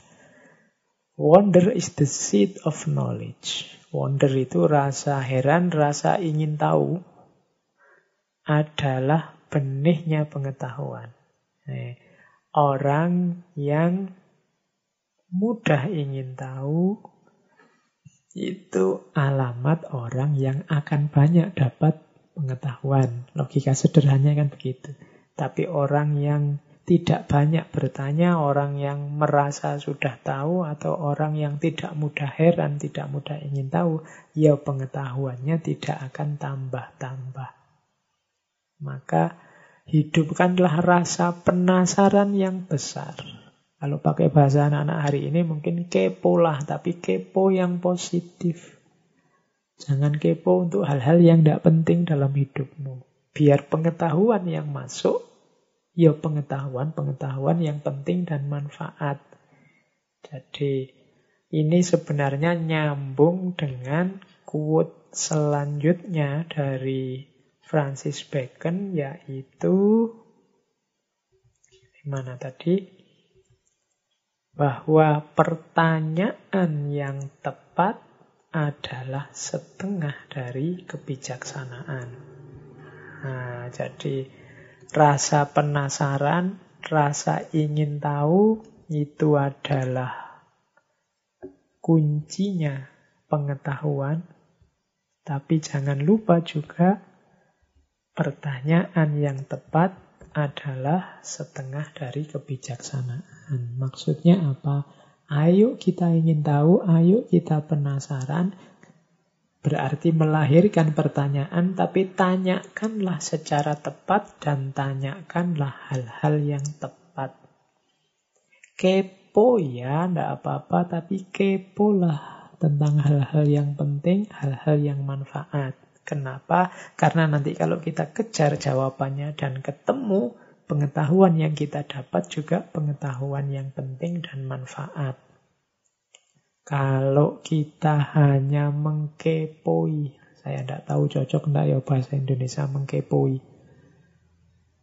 Ya, kepo itu kan keep every particular object. Ingin tahu sesuatu sampai dalam, sampai detail. Itu kalau kita ingin tahu hal-hal yang tidak penting, yang tidak perlu, yo isi kepala kita akan penuh dengan hal-hal yang tidak penting dan yang tidak perlu. Maka latihlah diri kita untuk bertanya dan untuk ingin tahu hal-hal yang penting dan manfaat saja. Oke, itu yang pertama tentang ilmu dan belajar. Yang kedua, bila orang mulai dengan kepastian, dia akan berakhir dengan keraguan. Jika orang memulai dengan keraguan, dia akan berakhir dengan kepastian. Ini melanjutkan rasa ingin tahu tadi. Kalau kita di awal sudah merasa pasti benar, yakin benar, kemungkinan selanjutnya kita akan berakhir dengan keraguan. Mengapa? Karena kadang-kadang yang kita yakini benar, yang kita pastikan benar, ternyata tidak nyambung dengan kenyataannya. Ternyata tidak sesuai dengan apa yang terjadi sebenarnya.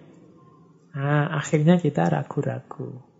Jadi, kalau dimulai dari kepastian, ya kemungkinan berakhir dengan keraguan. Tapi kalau kita mulai dengan keraguan, awalnya kita bertanya, awalnya kita ingin mengeksplorasi, ingin tahu, biasanya kebalikannya. Akhirnya kita ketemu jawabannya. Jadi, kalau dipastikan dulu kemungkinan kita bertemu dengan keraguan, tapi kalau diragukan dulu dan kita cari kepastiannya, ya kita akan berakhir dengan kepastian. Ini maksudnya sama seperti yang di atas. Ingin tahulah, heranlah, maka akan lahir pengetahuan.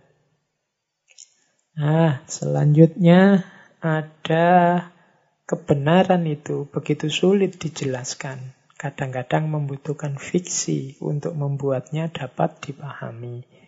Ini ingin bilang bahwa kadang-kadang kita itu sulit memahami sesuatu kalau dijelaskan apa adanya. Perlu improvisasi-improvisasi. Akhirnya ada yang menempuh jalan lewat fiksi. Nah, fiksi membuat yang tadi sulit bisa lebih dipahami. Mungkin teman-teman yang senang filsafat, ada yang belajar filsafat lama, tidak paham-paham. Akhirnya baca buku filsafat dalam bentuk novel. Nah, misalnya yang terkenal sekali yang dunia Sofi itu. Eh akhirnya paham dari situ karena fiksi membuat sesuatu yang sulit lebih mudah dipahami.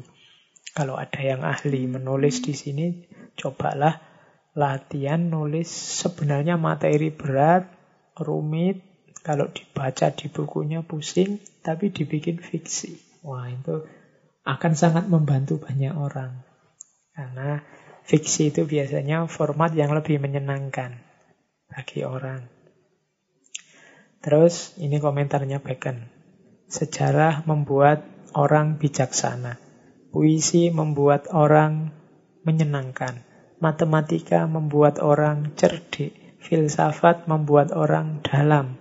Moral membuat orang serius. Logika dan retorika membuat orang mampu bertanding, mampu bersaing. Nih, komentarnya Bacon tentang karakter ilmu-ilmu. Setiap ilmu punya keistimewaannya sendiri, punya karakternya sendiri. Terus, nah ini ada pelajaran dari Bacon tentang membaca. Teman-teman kan tiap hari disarankan membaca, disarankan melihat buku, buka buku. Tapi Bacon punya teori sendiri tentang membaca.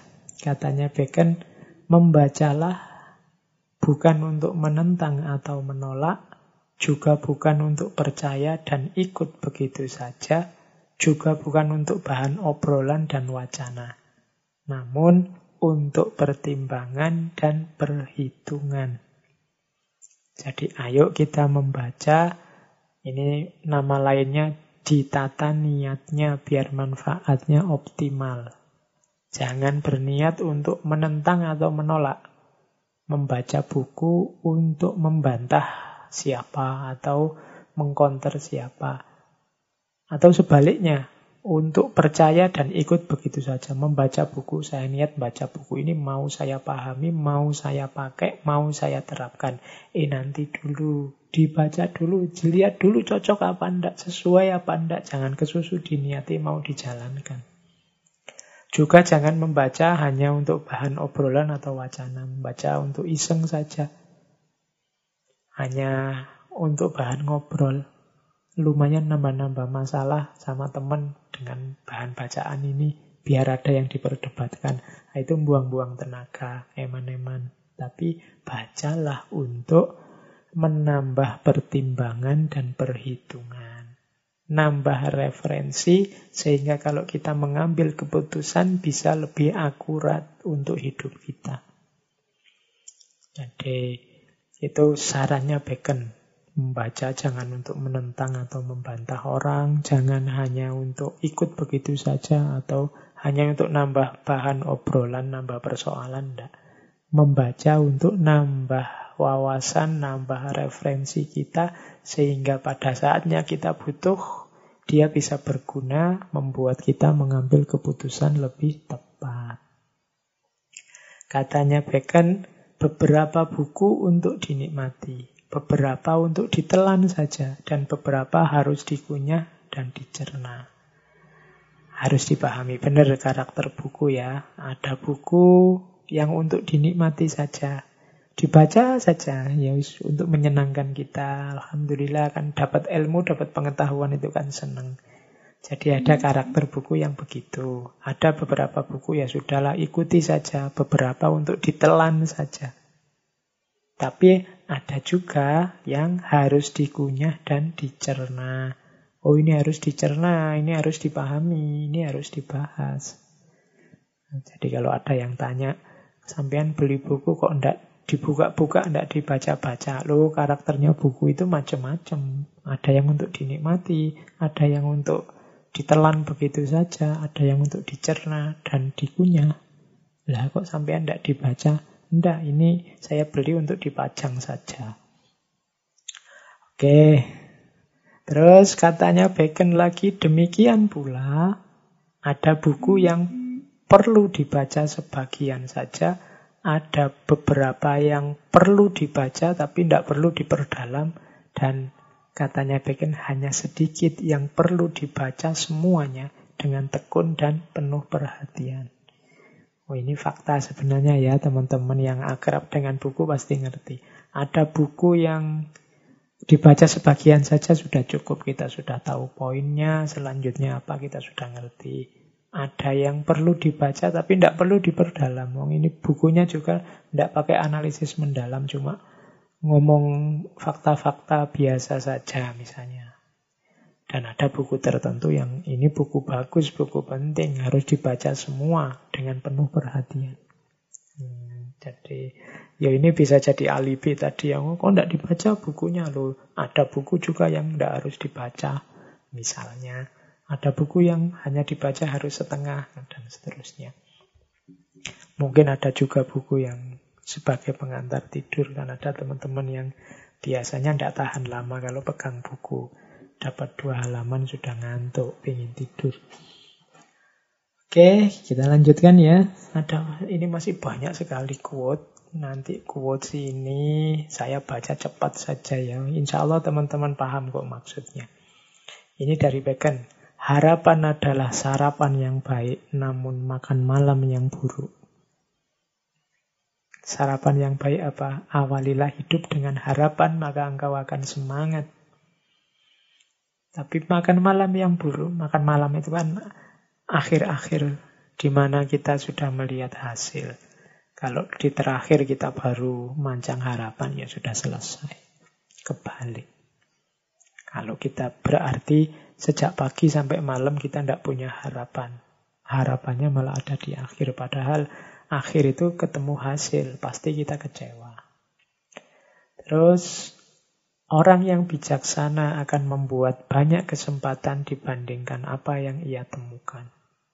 Orang pinter itu ketika dia mengalami satu peristiwa atau memahami sesuatu, itu bisa melahirkan banyak hal.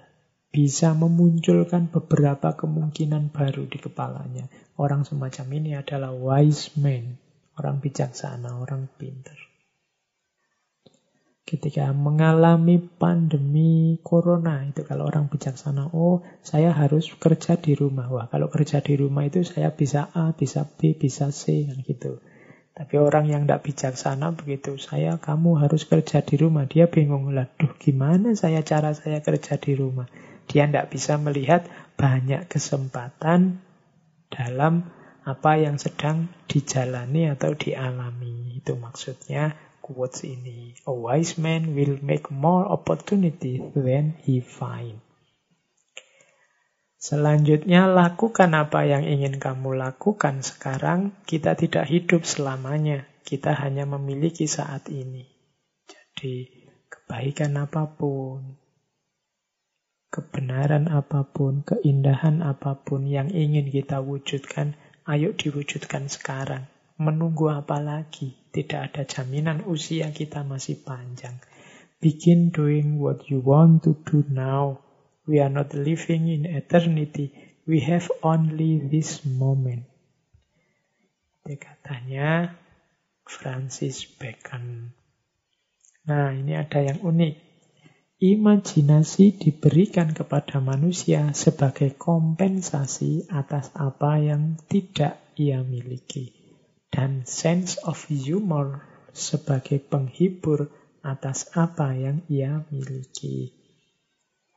Alhamdulillah kita diberi kemampuan berimajinasi oleh Allah.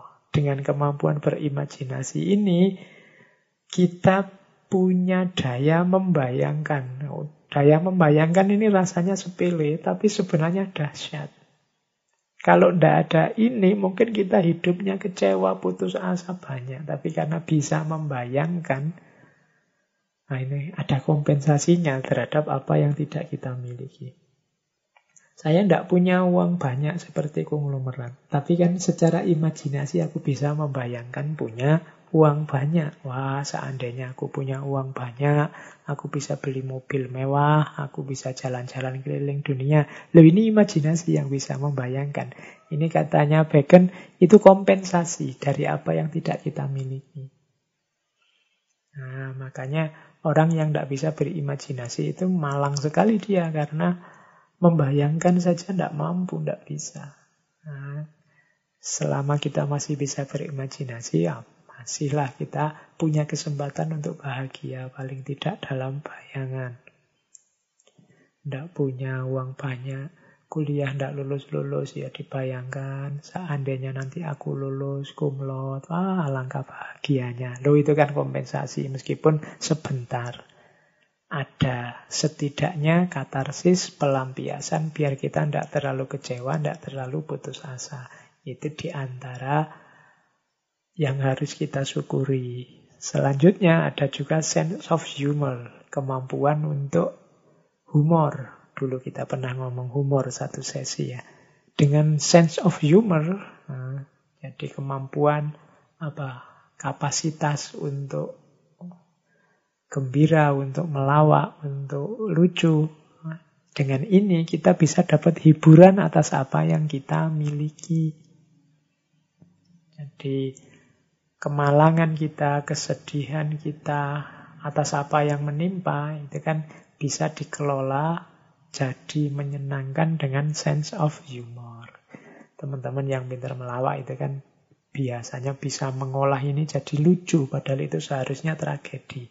Nah, itu oleh Tuhan diberikan pada kita sebagai hiburan. Betapa sayangnya Tuhan pada kita. Imajinasi diberikan, sense of humor diberikan. Orang yang tidak punya imajinasi, tadi saya bilang betapa malangnya. Orang yang tidak punya sense of humor juga menurut saya sangat tragis hidupnya malang. Tidak ngerti bahwa ini sebenarnya guyon atau tidak. Hidupnya terlalu serius. Oke, nah manusia cenderung percaya apa yang lebih ia sukai sebagai kebenaran. Ini juga untuk pengingat pada kita. Kadang-kadang apa yang kita sebut sebagai kebenaran itu hakikatnya adalah kecenderungan jiwa kita sejak awal, bukan sesuatu yang kita cari.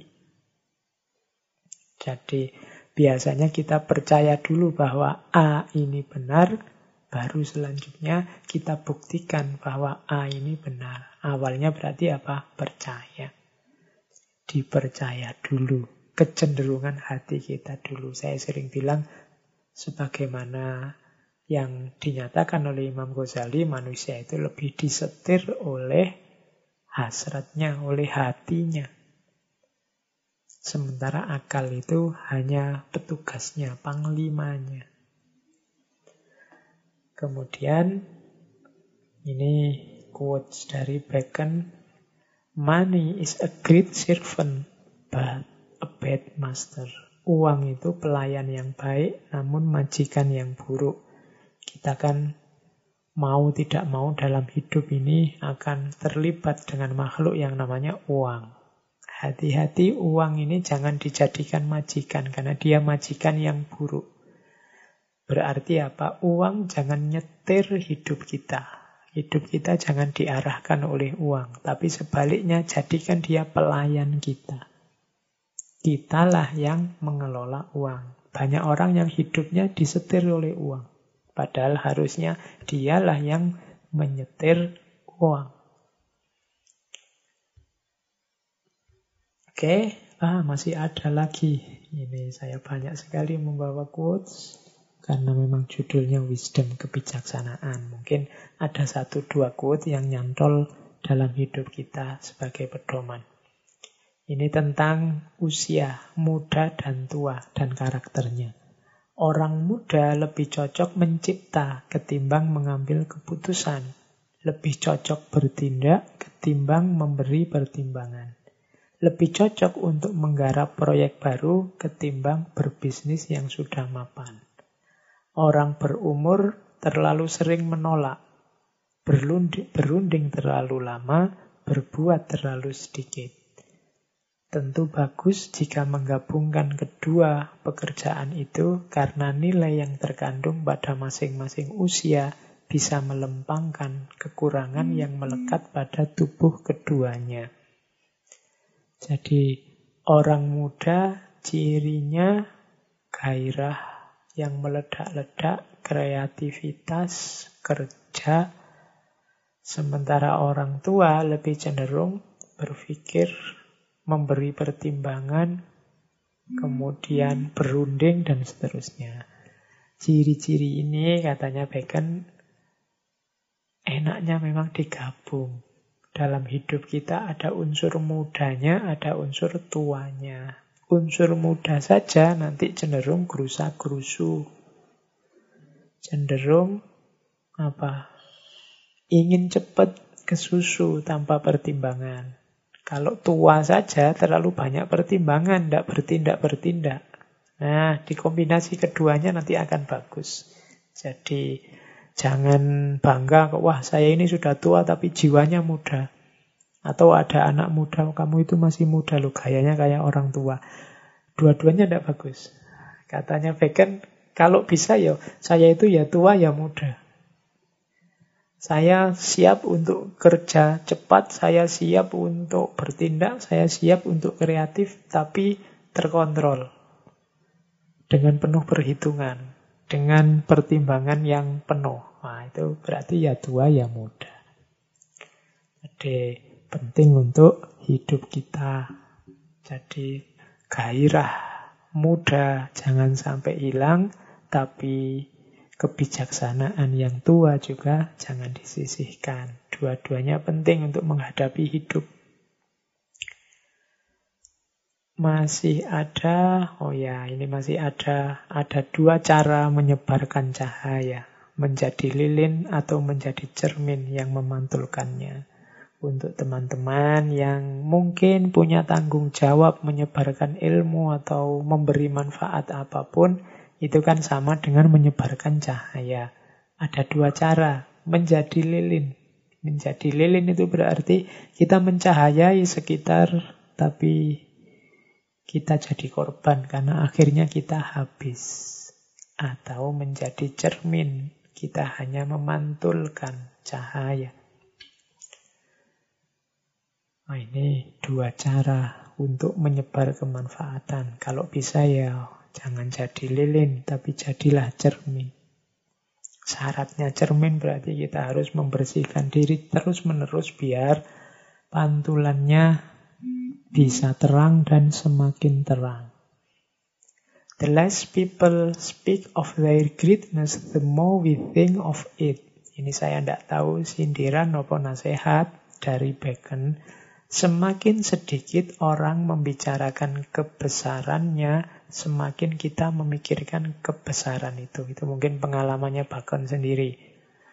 Orang-orang besar itu dalam hematnya Bakun, tidak perlu dia cerita tentang kebesarannya. Kalau dia ke mana-mana banyak cerita tentang kebesarannya, kita malah tidak berpikir tentang kebesarannya. Tapi kalau dia tidak banyak ngomong tentang kebesarannya, kita yang merumuskan kebesarannya. Kita yang memikirkan kebesarannya. Ini terah apa strategi atau juga mungkin menggugah kesadaran kita. Sudahlah, lakukan hal-hal baik, lakukan perbuatan-perbuatan besar, dan tidak usah capek. Kalian sebut-sebut perbuatan besar itu. Pasti nanti orang akan memetakan perbuatanmu, orang akan menyebut kebesaranmu. Tapi kalau engkau sendiri sudah membicarakannya bahwa aku besar, bahwa aku hebat, bahwa aku luar biasa, ya sudah orang tidak berpikir lagi. Wong kamu sudah menyebut sendiri. Ini logikanya sederhana sebenarnya. Jadi the less people speak of their greatness, the more we think of it. Semakin orang tidak menyebut siapa aku, sebesar apa aku, ya orang nanti akan membaca kebesaranmu dan siapa kamu. Dan yang terakhir, sungguh takdir yang menyedihkan bagi orang yang meninggal. Sementara dia dikenal banyak orang, populer berarti, namun masih tidak mengenal dirinya sendiri. Nah, ini termasuk kemalangan yang luar biasa kalau ada orang meninggal dan dia terkenal sekali, diakui banyak orang, namun dia masih belum mengenali dirinya sendiri. Dia tidak pernah membaca dirinya, dia tidak pernah memahami dirinya. Meskipun dia mencerahkan orang banyak, mungkin jadinya seperti lilin tadi. Orang-orang ini orang yang malang, takdir yang menyedihkan. Kalau menggunakan bahasanya Francis Bacon. Oke, teman-teman, saya kira itu untuk sesi malam hari ini tentang empirisisme. Minggu depan kita lanjutkan ke tokoh kedua. Sama-sama empirisisme. Jangan khawatir yang dibicarakan ternyata ya tidak melulu tentang sains, tidak melulu tentang empiris-empiris yang kelihatan-kelihatan. Banyak kebijaksanaan-kebijaksanaan hidup yang juga mereka ungkapkan dalam berbagai karyanya. Makanya saya beri tambahan judul itu The Wisdom of kebijaksanaan dari para tokoh empirisisme. Meskipun sumbangan besar mereka terhadap peradaban yang memang dalam hal gagasan-gagasan empirisnya.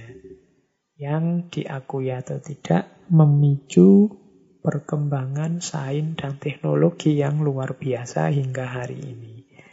Perlu kita teladani meskipun tidak harus letterlek, sesuaikan dengan konteks dan situasi hidup kita masing-masing.